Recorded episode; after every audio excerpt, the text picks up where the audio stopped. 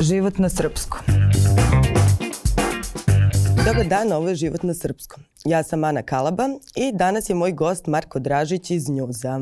Zdravo, Dražo. Ćao. E pa, pošto ste u januaru pauzirali, evo prilike da, da e, saberemo utiske, već ima dosta zanimljivih vesti. Da, Ja sam mislio da će se iščupati iz pakla podcasta tokom januara, ali evo, tu sam. Pa ne samo podcast, ni Kesić nije bio ni... Jeste, pa mi se ulenjimo u januaru, ja nekako. Mi smo se čuli u decembru i tad smo bili u velikoj gužvi, svakog decembra smo u velikoj gužvi i on se tad rekao, ajde, šta god treba, može u januaru, tad onako se opustimo i da, malo se previše opustimo, to je tačno, tako da onako, dosta smo vesti propustili i na njuzu, nema emisije još neko vreme, tako da onako radimo sa nekim ono 30% svojih kapaciteta, a i ti kapaciteti su startu već mnogo manje 100% i kako inače radimo, tako da evo, polako, polako se uhodavamo. Dobro, Đokovića ste ispratili. Pa jesmo, Đoković je bilo jako teško ne, ne ispratiti. I to je jako zanimljivo kod Đokovića je bilo kako, mislim, ja tad nisam čak tih dana bio ni u Srbiji, ali to prosto kad god pogledaš društvene mreže, samo se tome komentarisalo i to je meni bilo zanimljivo kako sam došao, kao dolazim do aerodroma i kao sa ženom prilazim onom terminalu, dakle, let za Beograd i kako prilazimo, čuješ srpski, ali nešto čuješ srpski, samo čuješ Đoković, Đoković, vakcina, Australija, suđenje, tako da baš onako bilo nemoguće tu vest propustiti, pa smo eto nju imali, Ali to je isto zanimljivo kako nekako i, i na toj vesti, kako su ljudi bili jako podeljeni, svaki ima neko mišljenje, ali kako nam se to često dešavalo i ranije, kako ljudi pogrešno protumače neke vesti. Ja sam baš konkretno napisao tekst koji je bio nekako meni jasna kritika Australije i njihovog pravnog sistema, kako će Đoković po nove odluci suda morati nakon svakog mm -hmm. gema koji odigra da ide na suđenje, na ročište, pa se vrati, odigraš jedan gem, pa opet na suđenje i tako dalje. I to je imalo isto nekoliko komentara kao eto, mrzite Đokovića zato što je Srbin, uvek vi morate Đokovića. Kao šta ti ovde nije bilo jasno, ali da. Da, ali nekako tako je bilo i sve više mi se čini da ima tih vesti koje zvuče kao njuz, a nisu njuz. Ja? Zvuče kao njuz, a nisu njuz, da, a i kad e, nekako ljudi kao po defaultu, ako ti imaš nečije ime u naslovu, kao da to automatski znači da ti prozivaš tu osobu, a to u ovom slučaju baš nije bio slučaj, Al, bože moj, šta, a ono što sam naučio iz ovih 11 godina u njuzu, to da svaka vest koju neko može da pogrešno protumači, neko će pogrešno protumačiti, pa bože moj. Mm -hmm. Šta su još januarske vesti koje ste vi... Uf, pa nisam se spremao. E, sad, sad smo pričali u hodniku malo ove e, cene kafa što ljudi da, ljudi slike račune. Da, ja sam se spremila i popisala sve ono što sam mogla da zamislim. Znaš šta, da nama ćete... treba neko ekipi odgovoran ko će da vodi evidenciju šta je sve propušteno, tako da evo... A, javi se nekad ako hoćeš neki drugi, da, da, da, dogodinu njuzu. E, šta smo propustili još? Um, cene na koponiku. Kafa, čaj. E, jeste, to mi isto zanimljivo, ali to se često dešava malo, malo, pa neko slika neki račun. Sezona. Pa I, jeste. Pa da, to smo propustili, pa to, je, to, to bi bio neki zicer da smo obradili nešto u stilu, ono, prodao stan u Beogradu da bi mogao da plati mm -hmm. ono, mhm. ručak na Zlatiboru ili nešto tog tipa. Ili odmor na Maldivima da bi... Jeste, jeste, otkazao odmor na Maldivima da bi uplatio pola aranžmana na Koponiku i slično. Dobro, referendum ste ispratili negde? Jel jesmo? Nismo mislim, mislim da sam videla na njuzu neku. A, da, sad se ne sjećam. Pa dobro, e, e mi se trudimo da te neki, i kad, kad onako radimo s manjim kapacitetima, kad radimo od kuće, jer mi kao redakciju nismo išli preko 20 dana, te neke baš ultra bitne vesti se trudimo da obradimo. Ali ove sad vesti poput kafe na Zlatibor, jako to za nekog ko dobite račun jeste ultra važna vest, ali realno nije baš tog kalibra vest, njih nekad malkice onako. Nadamo se da neće niko da primeti da smo smo ih propustili i onda dođem kod tebe i prvo pitanje šta smo sve propustili u prošlom ispitnom roku. Da. Pa eto, vidiš da primete. Boga mi znam više ljudi koji samo kod vas prate i to im je mhm. nekako izvor informacija. Ono, kao odustali su negde od medija, ali na primjer ono kao jednom nedeljno pogledaju news ili pogledaju Kesića čisto da vide šta se dešava, šta je I sad ćemo i dodu da na Koponik sa 200 kinti u džepu jer ne znaju kolika je cena tamo kafe i ručka. E, da, to sam ja imao priliku da čujem i to je onako negdje simpatično, negdje tužno. Nekad se ja pitam kao da li ti ljudi, i raz... ajde ako gledaju samo Kesića, to mogu da razumem jer tu pustimo prilog pa onda on komentariše taj prilog. Tako da znam dosta ljudi koji ono se tako informišu.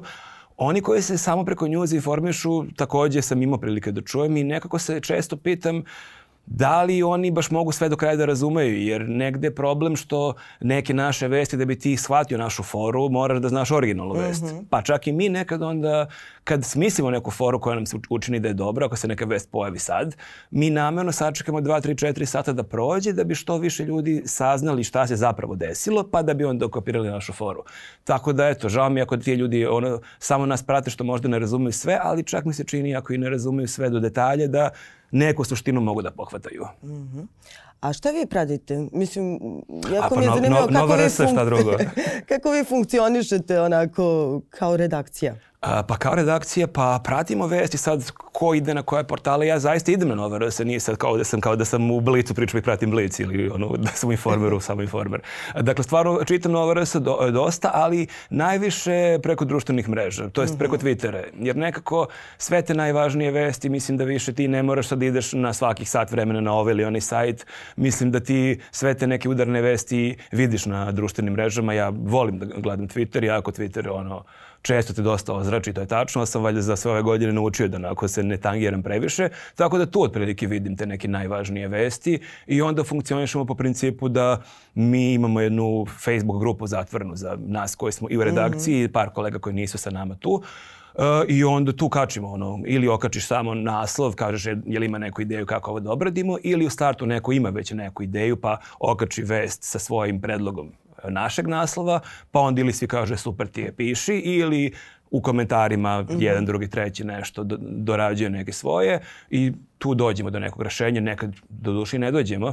I to je recimo zanimljivo da često i ako si svestan da ta tvoja fora nije baš najbolja, nije loše da napišeš i će možda ona tvog kolegu nekog inspirisati da on na tragu toga nešto malkice mm -hmm. koriguje pa dođe do nečeg boljeg. Da.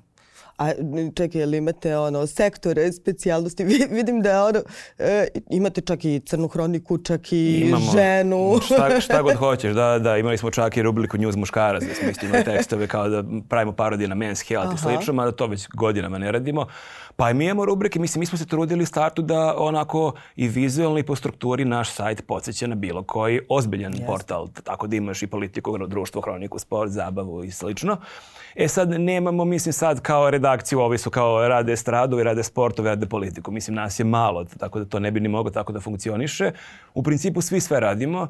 U početku smo recimo jedino imali otprilike lupam, ja malo više pratim sport od možda, ne znam, Viktora, pa bi ja onda možda pre nešto pisao ili Nenad je recimo radio kao ekonomski novinar pre, Blic, e, pre Blica, pre Njuza, pa je onda on možda ako su neki tekstovi vezani za ekonomiju, e, GDP i ostale termine koji dan danas ne znam svi od nas šta tačno znače, onda bi možda on to na, malo doradio ili napisao, ali u principu svi sve rade. Jer nije ni za naše tekstove, ni o ekonomiji, ni o sportu bitno toliko ti budeš ekspert za tu oblast, nego je više bitno kakvu, kakvu si foru napravio. Da. A to je zanimljivo, mislim, ti si, mi se znamo iz medija u stvari. Znamo si iz prošlog života. I radio si, da. Kako, kako tebi izgledao taj obrt u tvom slučaju? I kako si, kako si prelomio Uh, pa dobro, nije bilo teško toliko da prelomim. Ja sam u Blicu radio mi se Datli znamo, to je već bilo preko 10 godine prošlo od tada. Pa nije mi toliko bilo teško, ja tamo nisam bio toliko srećan, radio sam neku noćnu smenu i nisam, to su uglavnom, baš sam radio na sajtu Blici i to je bilo dosta i copy-paste i mm. agencije mm. i neki brzi prevodi nekih ono udarnih vesti. Tako da nisam se u tome potpunosti ni nešto pronalazio. Tu sam bio neki godinu i po dana i onda onako News je stvarno počeo, to uvek kažemo, News je počeo kao neki hobi, kao neki ventil i niko od nas nije planirao da da otkaz na bilo kom poslu koji je tad imao da bi tu radio. Nekako najdalje smo dobacivali do toga kada kao ajde tu će biti možda nekad nekog honorara, nekog džeparca, otići ću na večer, otići ću, ne znam, kupit ću knjigu, otići ću u bioskop, ali nisam ja dobacivao do ideje da ću ja dati otkaz u nekoj jakoj firmi, iako ja sad tu nisam bio zadovoljan, ali to jeste neka jaka mm. firma gde si ti kao vidio da će ona postojati narednih godina i kao preći na nešto što je u tom momentu bilo par meseci staro i što je moglo da traje još tri meseca, moglo da traje evo već 11 godina. Tako da je meni to bilo onako Čudno je bilo, ali bilo je stvarno lepo jer nekako i mene su tu i upozoravali ljudi kao da je opasnost da ti ono što ti je hobi da ti postane primarni poster, kao onda ubiješ tu lepotu Ja sam se negde malo zamislio tada i pomislio sam da možda ti ljudi jesu pravo, ali evo, prošlo je 11 godina i mislim da to jeste bila možda jedna od najpametnijih odluka u mom životu, jer baš mislim da je sjajno i to nekako, kad pričam pred nekim mladim ljudima na nekim ono, e, tribinama, predavanjima, baš nekako svima poželim da sutra u životu rade neki posao koji vole, koji im je negde i hobi. Što opet ne znači da će u tom poslu sve biti divno. Ti u najdivnijem poslu imaš i prazan hod i trenutke kad nisi inspirisan i kad nešto ne funkcioniše, ali nekako to jeste neka ideja koju svi treba da težimo da radimo stvarno na što volimo, u čemu uživamo. Dobro, čini mi se da je mladima lakše da prelome nego što je nama bilo u mm, pa, dobro, tim nekim... Ti, ti si mlađi mene, ja sam baš mator, da, da, tako da ja sam to prelomio, da tad nisam prelomio, vjerojatno nikad ne bi ništa mogao da prelomim. Da, a sada kako gledaš na regularne medije gde stvarno ono, vidim x puta neko podeli nešto na društvenim mrežama i ono naglasi nije njuz. Mm, jeste. E, e, sve više nam stvarnost deluje kao ono... I, e, i stvarnost i izjave političara naravno, a mislim toga je bilo uvek. Ja stvarno to isto želim da naglasim. Mi smo smo počeli 2010. godine u vreme onih bivših, što sad jako voli da se tako potencira da kako je vreme onih bivših bilo ovo ili ono. I tad je to bilo. I tad si ti imao neke sumanute vesti, neke sumanute izjave i tad si imao neko tabloidno novinarstvo. Ali je meni nevjerovatno prvo to kao ko vodi državu i što oni pričaju i kako ponavljaju. To je ono što ti nekako najviše smeta kad radiš mm -hmm. ovaj mhm. posao, što Vučić može da 15 puta kaže jednu te istu frazu. Ali ja ne mogu da 15 puta to obradim na isti način. Nekako mi to moramo da onda ili obradimo na jedan, drugi, treći način da više preskočimo, jer nekako ne možemo opet da se tako ponavljamo. Tako da je to s jedne strane komplikovano, s druge strane je ono š, meni potpuno neverovatno što mi danas živimo u, zemlji gde mainstream mediji, gde svi štampani mediji, skoro svi ovi neki najpopularni, najtiražniji, uglavnom počivaju na lažnim vestima. Mm -hmm. to, to je neko najveći kuriozitet, jer nekako kad smo mi pokrenuli naš sajt, e, ljudi su bili onako i šokirani, pogotovo neki novinari kao kako to, kako to sme tako, pa odakle im ideja, pa oni će da prevare nekog. Uh, što nama uopšte nije bio cilj. Mi smo zaista u startu želeli da to bude i zabava i kritika, ali da negdje kroz naše naslove i naše tekstove bude jasno svakome ko se jole udubi da to nije istina. Da kao ako, ti, ako te naslov prevario, prvi pasus, drugi pasus treba da te ubede kao čekaj, no, nemoguće ovo, očigledno neko zezanje, mada da. Svi smo se nekad primili. nekad, e, nekad Bio je nevjerojatan tekst, to je još 2011. godine, kad je, dakle, vreme onih bivših, kad je kao bila ona uredba o zabrani prode alkohola posle 22 časa i mi smo imali tekst kako je zabeljen seks između 22 časa i 5 ujutru. Ali smo onda imali ceo tekst kako će komunalna, komunalna policija ići sa oni, teleskopima, gledati ko je navukao zavese, upadati u stan, na licu mesta, zavisnosti od koje pozu upražnjavaš, dobiti ovu ili onu kaznu. To je bilo, znači, nijedna rečenica u tom tekstu nije bila normalna, masa ljudi poverovala. Mm. Tako da je to, to, je, to je nevjerovatno, ali da, da se vratim e, sad na situaciju danas, da, to je zapravo na, nevjerovatno kad ti shvatiš da najtiražniji štampani mediji imaju godišnje po 350-400 lažnih vesti na naslovnoj strani samo. Mm. Tako da, da smo možda bi bili neke preteče toga, onako, to, to onako dele da. malo, da.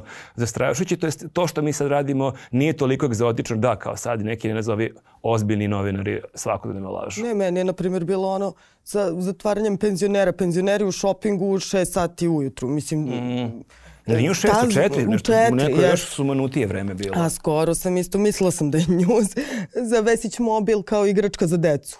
To sam bila da, da, to ubeđena. Je ono, to je dok... tra traume od detinjstva nakon da deca dobiju. Da, da, da, da pa da, Vesić je teško, mislim, mnogi su tu političari koji su onako neverovatni, nekako Toma Mona šta god da izjavi, onako u startu imaš materijal za emisiju mm -hmm. ili za mhm. njuz. Vesić takođe šta radi. Uh, ranije Babić, pa ne znam, mislim, postoje baš onako političari, neki političari povremeno se nešto lupe pa su nam zahvalni, recimo Vulin. Vulin je ranije stvarno onako bio To se čak desilo jedan put kad smo radili sa Kesićem, da je baš bila neka mrtva nedelja, iako to zvuči nevjerovatno otprilike, ali jednom u šest meseci je bude malo slabija nedelja i mi sutra imamo snimanje i malo je mršav scenariju, fale nam još nešto i vidimo je Tanjugu Vulin. Mi kao, ljudi, evo ga Vulin na Tanjugu.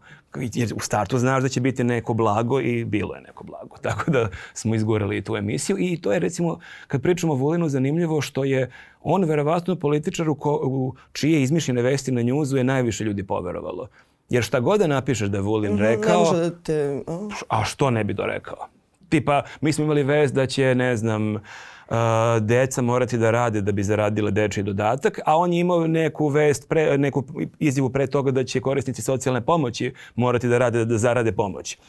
Tako da onda kao tanka, tanka je granica i da, to smo baš shvatili šta god. Da kaže da je Vulin rekao, masa ljudi veruje, tako da bi Vulin trebalo malo se zapita šta on to priča. A e, jeste nekad pomislili da ste malo preterali? Uh, pa znaš što, ono što izađe na sajtu, Mislim da nismo. Mi preteramo dosta u nekom brainstormingu i to kad prič, pričamo i komentarišemo vesti za mm. news, kad sa Kesićem smišljamo scenariju, scenariju tu preterujemo dosta i to nekad u poslednje vreme namerno preterujemo jer mi se čini da je i nama nekako i naš prag humora se malo pomere, smo jako dugo u ovome, jako dugo smo u istim likovima, jako dugo slušamo iste, gledamo iste ljude koji pričaju iste priče i onda da bismo sami sebe zabavili, morao malkice mi da budemo malo uvrnuti, tako da To je mi jako e, ono, smešno kako nam često ljudi kažu kao treba da snimate i sve što ne uđe emisiju na news da okačite na YouTube. Kao ne, nas bi uhapsili bukvalno. Tako da to baš je, nadam se da to, nadam se da neka služba to ne snima jer bi baš imali dosta materijala da nas sutra ucenjuju. Tako da tu recimo preteramo, ali nekako mi vrlo nam je jasno da je to humor koji je nama u tom trenutku smešan, koji je potpuno bolestan, ali ono što izađe u emisiji ili na sajtu, u 99% slučajeva negde stojimo iza toga. A jeste imali nekad neke probleme? Ili ima neko da mu se ne sviđa kako je predstavljen kod vas? Pa, I da je to javno, odnosno... A, da, intimno je, ne znam šta ko misli. to već je, ono bi mogli i političari da govore. Pa javno nije bio čest slučaj. E, mislim da je e, dobra stvar e, u tome što je news za dosta kratko vreme postao relativno popularan. Mislim da neću kažem poznat, ali news je počeo, mi smo sajt pokrenuli početkom oktobra 2010. Već početkom decembra 2010. je bio tekst o pijanom Srbinu koji ubio Ajkulu umeđu vreme koje su preneli ono, A, mediji čuveni, skoro čuveni. na svim kontinentima i, i tada su već manje više svi ljudi koji se bave medijima i koji su u nekom javnom životu načuli da postoji neki sajt sa izmišljenim vestima. Tako da je to bio period od dva mjeseca dok news nije bio prepoznatljiv toliko. Tad je, mislim, bila prilika da možda neko se uvredi, mhm. da nas neko tuži, da neko demantuje.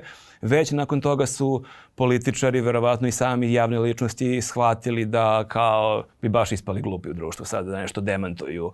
Mada bilo nekih reakcija, mislim, bilo je, ali to su više bila neke reakcije iz, sa, ne znam, iz estrade, ono, Mi smo recimo im baš onako jako povredili Ivanu Jordan, pa Aha. Marinu Perazić. Mislim, oni su recimo, takve su neke osobe reagovali što nam onako i smešno i tužno. Znaš da je Ivana Jordan reagovala životom Pa Ivana Jordan, da, nju smo jako povredili i, i u njuzu i u 24 minuta. Pa Pa dobro, mislim sad, aj, sa ove distance, mislim, e, bio je tekst kad je preminula Amy Winehouse, bio je tekst kako je dosta netalentovni pevačica i dalje su žive, pa su bile nabrane razne pevačice, pa je eto, među njih deset bila spomenuta i gospođa Jordan. Pa je onda ona napisala jedno otvoreno pismo koje je baš pogodilo, tako da mislim, bilo je tih reakcija i ne znam, bila je Marina Perezić nešto reagovala, ali tekst uopšte nije bio o njoj, nego je tekst bio kako je Miroslavu Iliću zabranjen ulaz u prodavnicu, u kristale, ne, u Svarovski prodavnicu. I onda je bila posljednja rečenica kako je isto tako svoje vremeno Marini Perazić bilo zabrinuto da uđe posle stičarnicu gdje će pojesti sve kolačiće. I onda ona baš onako ima neki status kako je to strašno. I tako da bilo je tih reakcije i evo ja se javno izvinjavam stvarno svima koje smo povredili. Žao mi je što eto toliko ljudi koji utiču na naše živote, koje nam kroje sudbinu što smo toliko povredili Ivano Jordan i Marino Perazić. Žao mi je.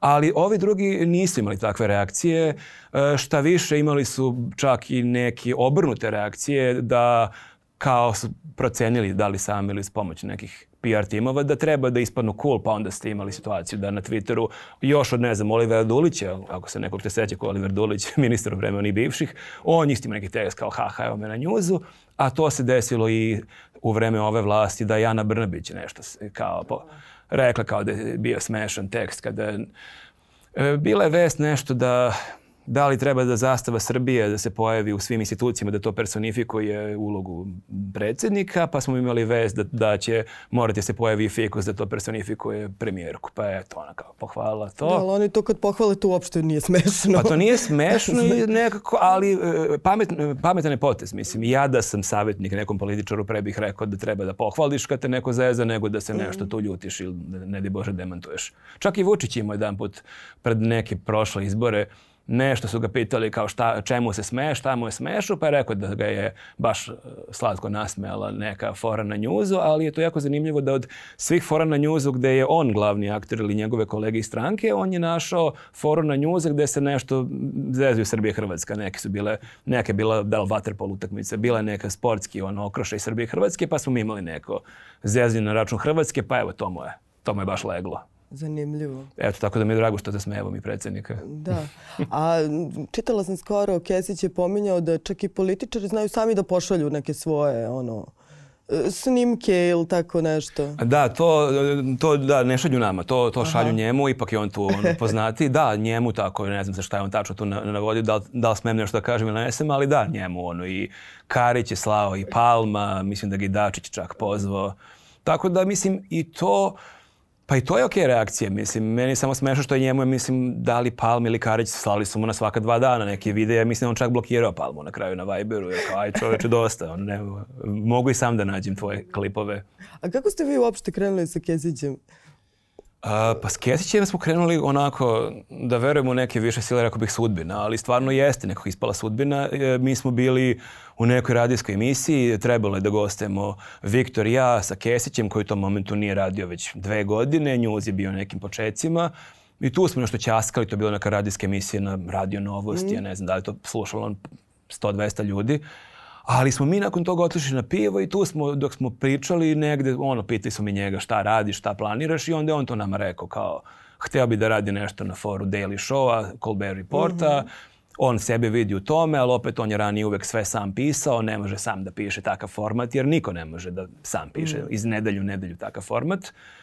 A mi smo opet e, par meseci pre toga imali neku ideju da bismo volili da pišemo nešto tog tipa, jer smo mi bili fanovi Daily Show i Colbert Reporta a opet niko od nas sebe nije video kao voditelja. I onda smo mi negde shvatili kao nama treba voditelj, tebi su potrebni scenaristi, Aha. ajde da probamo nešto. I onda smo eto krenuli to da radimo, pravo pilot, pa je onda taj pilot on emitova nešto, to bilo leto 2013. na TV prvoj, pa mi nismo znali naravno dva, tri meseca šta će biti, hoće li biti ono, hoće li taj pilot pre, da preraste u nešto više. Uh, I onda su se eto javili kao idete, ne idete na prvi nego na B92, ali kao kreće.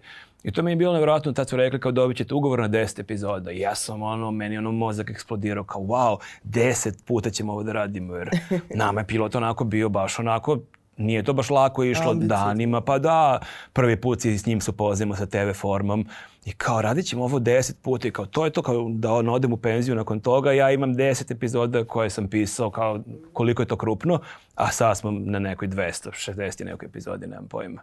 Da. Ali eto, čovjek se navikne verovatno. Ispao baš dobar spoj, mislim baš onako. Ispao je dobar spoj, a i dobe, dobre kombinacije to što živimo u zemlju kako i živimo, da i ono što bi se eh. reklo ne manjka materijala, mada opet to ljudi često hoće da kažu kao, a, lako je vama, vama se emisija sama piše. Aha Što nije baš tako. Mislim, A da. bude nekad, e, evo pomenuo si sad situaciju, kad nije bilo dovoljno pa materijala, evo, od 200, pa od 200, da računate na Vulina. Od 200, da, da, Vulina mi posljednja nada. Od 260 epizoda možda je bilo 7, 8, 10, maksimum 10, da su bile onako malo mršave nedelje, da smo malo morali da onako kopamo šta se desilo, ali ma čak možda ni toliko, dakle, možda 5-6. Mislim, stvarno, onako, bude baš i viška materijala, baš nekako ne možeš da pohvataš sve. Pa sad imaš i, i puno televizije i puno emisija i onda i to su dugačke priče, mislim, kao Vučić ode kod Mareća, to je 3 sata, on kad priča 3 sata, ti u startu znaš da imaš barem 3-4 ono, mm -hmm. video od po pola minuta, minut gde imaš neki biser, a što, sad opet kako postoje ono i društvene mreže kojih nije bilo toliko ranije, pa sad ima što ono, ove kači Vesić, kači na TikTok, pa kači na Instagram, pa Toma Mona, to? Toma Mona kači, nažalost video sam, pa Toma Mona kači svoje neke storije, pa Siniša Mali kači, tako da ti pored svih ovih televizija imaš još i društvene mreže, pa i tu imaš neke bisere, tako da onako ne manjka materijala. Mm. I šta su planovi za dalje? Ajde sad se vraćate polako sa pauze. Pa kad kažeš polako, baš polako. Vraćamo se. Pa e, koliko je meni poslato, mislim da u subotu 19. februara, e, Aha. mislim da je 19. februara, ako sam dobro zapamtio datum, tada je, će biti emitovanje, znači da ćemo mi 4-5 dana pre toga da se ono okupimo u punom sastavu i da krenemo da radimo. Mislim, sigurno ćemo imati jedan deo gde će biti neka brza onako rekapitulacija onog što smo propustili, ovo što si nabrao sad, mm -hmm. ono, i Đokovića, i referendum, i ne znam sad ta kafa na Zlatiboru i Koporniku, da li ćemo nju da uvrstimo, ali sigurno ćemo malo preletiti. A snega, 100 evra za mlade. 100 evra za mlade, 100 evra pa, za da, mlade. Super. Ja mislim da to 100 evra za mlade i obećanje da će biti još para ako ne izgubimo. To je, mm. to je isto ono super. To je ono kako daš majstru, no evo ti avans, a kad bude gotovo ja ti plaćam punu cenu. Tako da, da ako ne bude ono gotovo nema drugih 100 evra. Tako da je to isto zanimljiv moment. Ne znam, mi smo baš pričali kako smo jedna ispuštena kategorija. Ne spadamo ni u mlade, ni u penzionere i cela ono generacija jasna nam je poruka, kako bi Jasna se rekao. poruka, ali da ne, ovo, da ne postane ovo tužan podcast. Sad ja ti ovde plačemo i kukamo što nismo dobili 100 evra i, ili što nećemo dobiti još 100 evra ako pobedi Vučić. Da, tako da ćemo sigurno imati jedan deo da ćemo malo da obradimo i te vesti, ali ne sumnjam da će te nedelje. Mislim, znaš, sad me neko pita kao šta će biti u prvoj emisiji, nemam pojma, naravno, ali ne sumnjam da će od 10. do 18. 19. februara biti dosta materijala. Računam na to. Nego šta.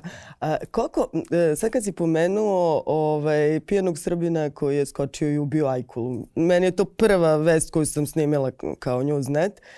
I skoro sam je se baš setila i baš u vezi sa Novakom Đokovićem, gde je, ne znam, Biljana Srbljanović je između ostalog rekla kako Srbi previše veruju da su posebni, mhm. kao... Mm -hmm I čini se da kod nas baš pale te vesti, ono, Srbin ne, Jasno. nekoga da. zeznu. Še, šef obezbeđenja J. Lo je Srbin. Mm -hmm. Ok, pa šta onda da radimo? Da, pa volimo da verujemo. Mislim, i to je meni zanimljivo što smo mi, mislim, mi se trudimo da većina tekstova na njuzu ima neku poruku i neku kritiku taj tekst na prvi pogled nije imao neku poruku, onako delovo je zabavno, tad je stvarno postala neka ajkula koja je, jeste čak i usmrtila neke turiste u Sharm el Sheikhu, ali negde smo zapravo, kolega Nenad je taj tekst napisao, mislim da je negde čak i podsvesno i on tim tekstom upravo imao tu kritiku, kako mi imamo tu neku obsesiju da a neće valjda Rumun da ubije Ajkulu, pa da, mora Srbina. Srbinu. čak je i za takvu vest, ono kao yes, Srbinu. Ali bio. znaš šta je još zanimljivo? Što je ta vest na neki način bila kritika tog našeg mentaliteta i medija koji forsiraju tu neku priču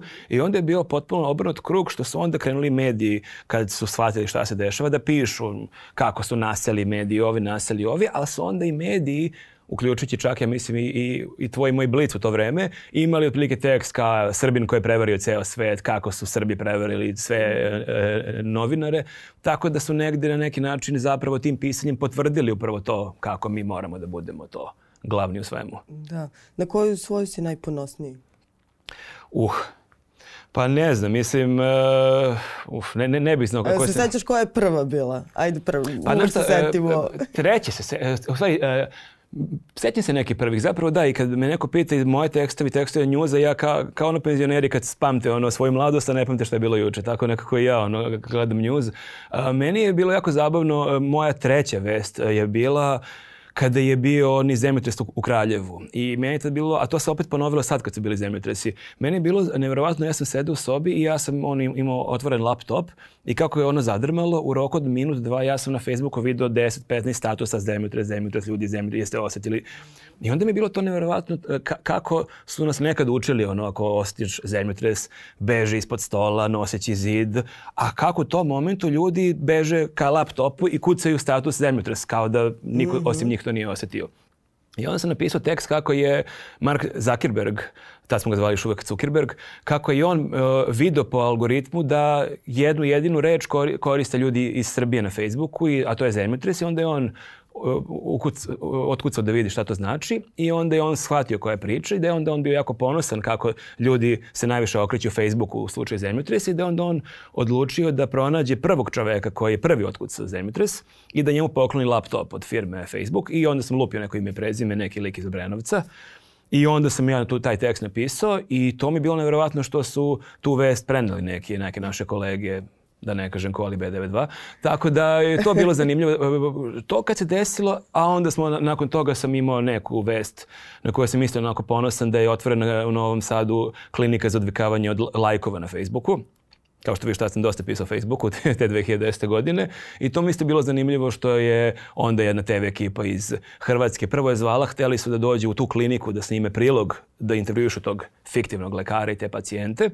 A onda kad im je naš kolega Dejan Nikolić koji je pokrenuo njuz rekao ljudi, jel ta klinika ne postoji, e, ta vest je izmišljena i sve vesti kod nas na sajtu su izmišljene, onda su ga oni zvali nakon tri minute rekli pa mi ćemo doći da snimimo prilog o vama. Tako mm -hmm. da su mhm. onda prvi put smo eto gostovali na televiziji to na hrvatskoj jednoj emisiji zahvaljujući tom tekstu, tako da su mi nekako, to su mi neke moje tekstovi koji su mi dragi, Super mi je moj jedan tekst koji je potpuno besmislen da je uginuo labud iz cecinog spota i on je, izmislio sam kako se zvao Serđi, da je on da. bio ovako, da je Dejan Milićević dao izjavu da nijedan labud nije bio tako fotogeničan kao on i da ćemo ga dugo pamtiti.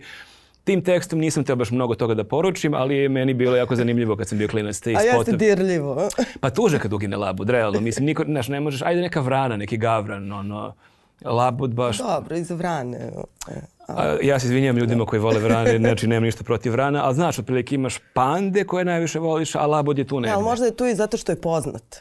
Pa jeste, jer Mislim, pazi, bila su dva, ja sam gledao, bila su dva labude, e oni koji je bio više u prvom planu, e, to je, to je Serđe i taj je nažalost, da. na nekom boljem mestu. Tako da evo, to je ono što mi prvo pada na pamet, ali to su sve tekstovi iz tipa 2010. godine. Ja sa stvarno ono, mora i da se spremim kao šta sam pisao prošle, pretprošle godine. Da. Sigurno i tu ima nekih, nekih nebulosnih tekstova poput ovog. Dobro, ajde samo da skočimo u 2022. o čemu se sad časka u vašim krugovima i šta su vaši planovi dalje?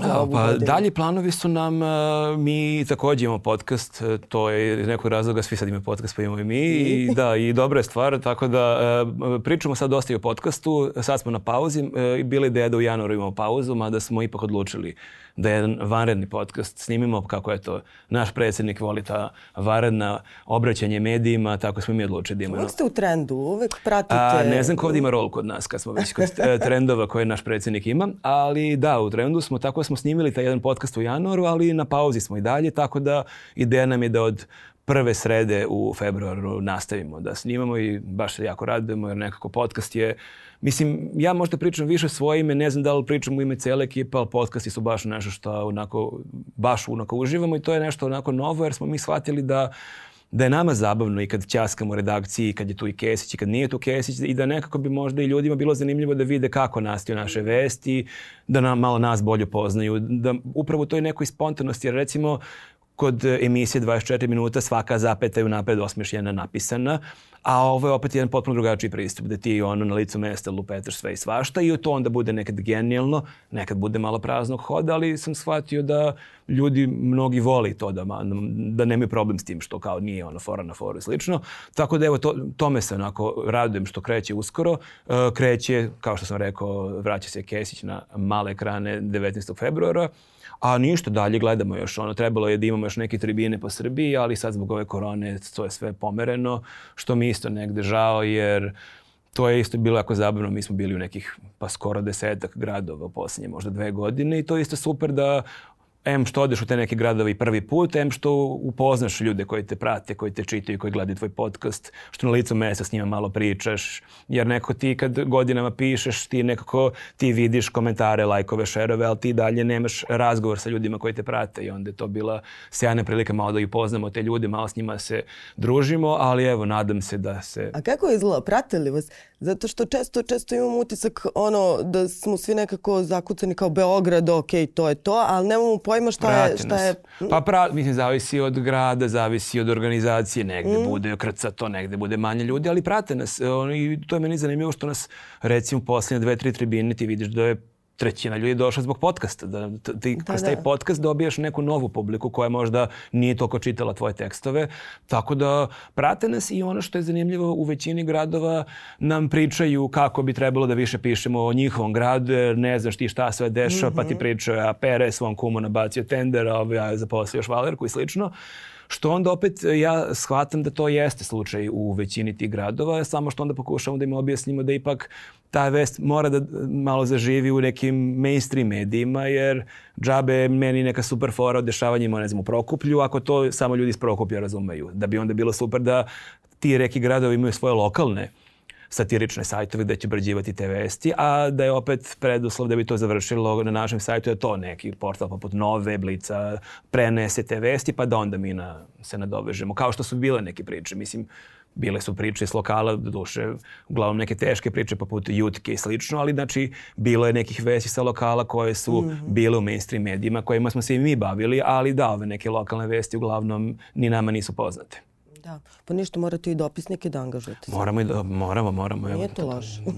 super, možemo, eto, to je jedan, jedan jeftiniji biznis plan da zaposlimo ono, 50 ljudi ono, po raznim gradovima. Ali morate vi da sarađujete, morate znači vi da pišete više unutrašnjosti da bi ljudi iz Beograda ukapirali fore iz da, Sremske da. Mitrovice. Ništa, razradit ćemo taj plan. Na tragu, na tragu smo nečega. Hvala ti, Draža. Hvala tebi puno.